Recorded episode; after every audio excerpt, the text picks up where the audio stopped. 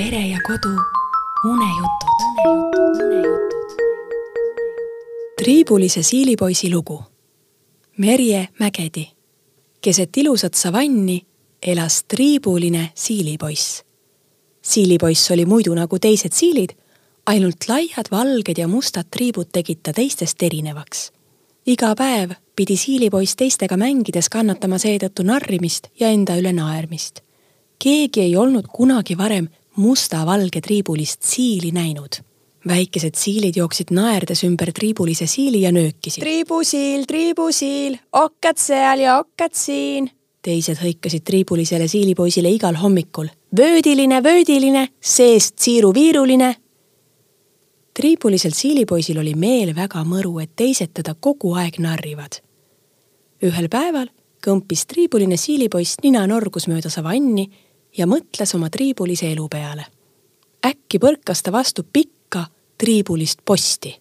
siilipoiss tõstis pilgu ja nägi nelja triibulist posti enda ees seismas.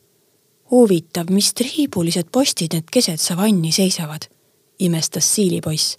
Pole enne selliseid näinud.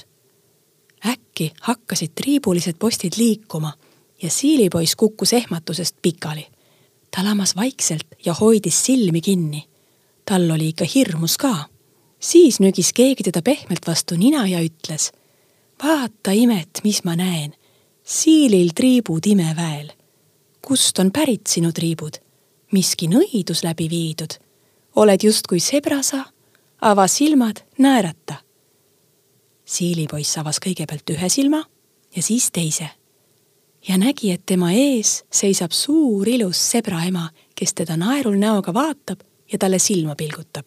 triibulised postid olid sebraema pikad sihvakad jalad. ma ei ole nii ilusat siilipoissi kunagi enne näinud. küll need triibud sobivad sulle hästi, ütles sebraema kiitvalt. triibuline siilipoiss kargas kähku püsti ja rapsis lehed oma triibuliste okaste küljest maha. küll talle meeldis see suur ja sihvakas triibuline sebraema.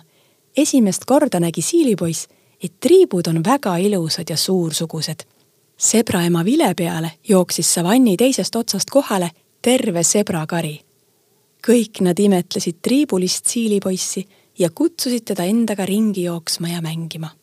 triibulise siilipoisi rõõm oli nii suur, et ta hüüdis oma uutele sõpradele. mina ise triibuline, sõbrad mul on vöödilised, mängime nüüd vöödipeitust, poeme sebra taha peitu.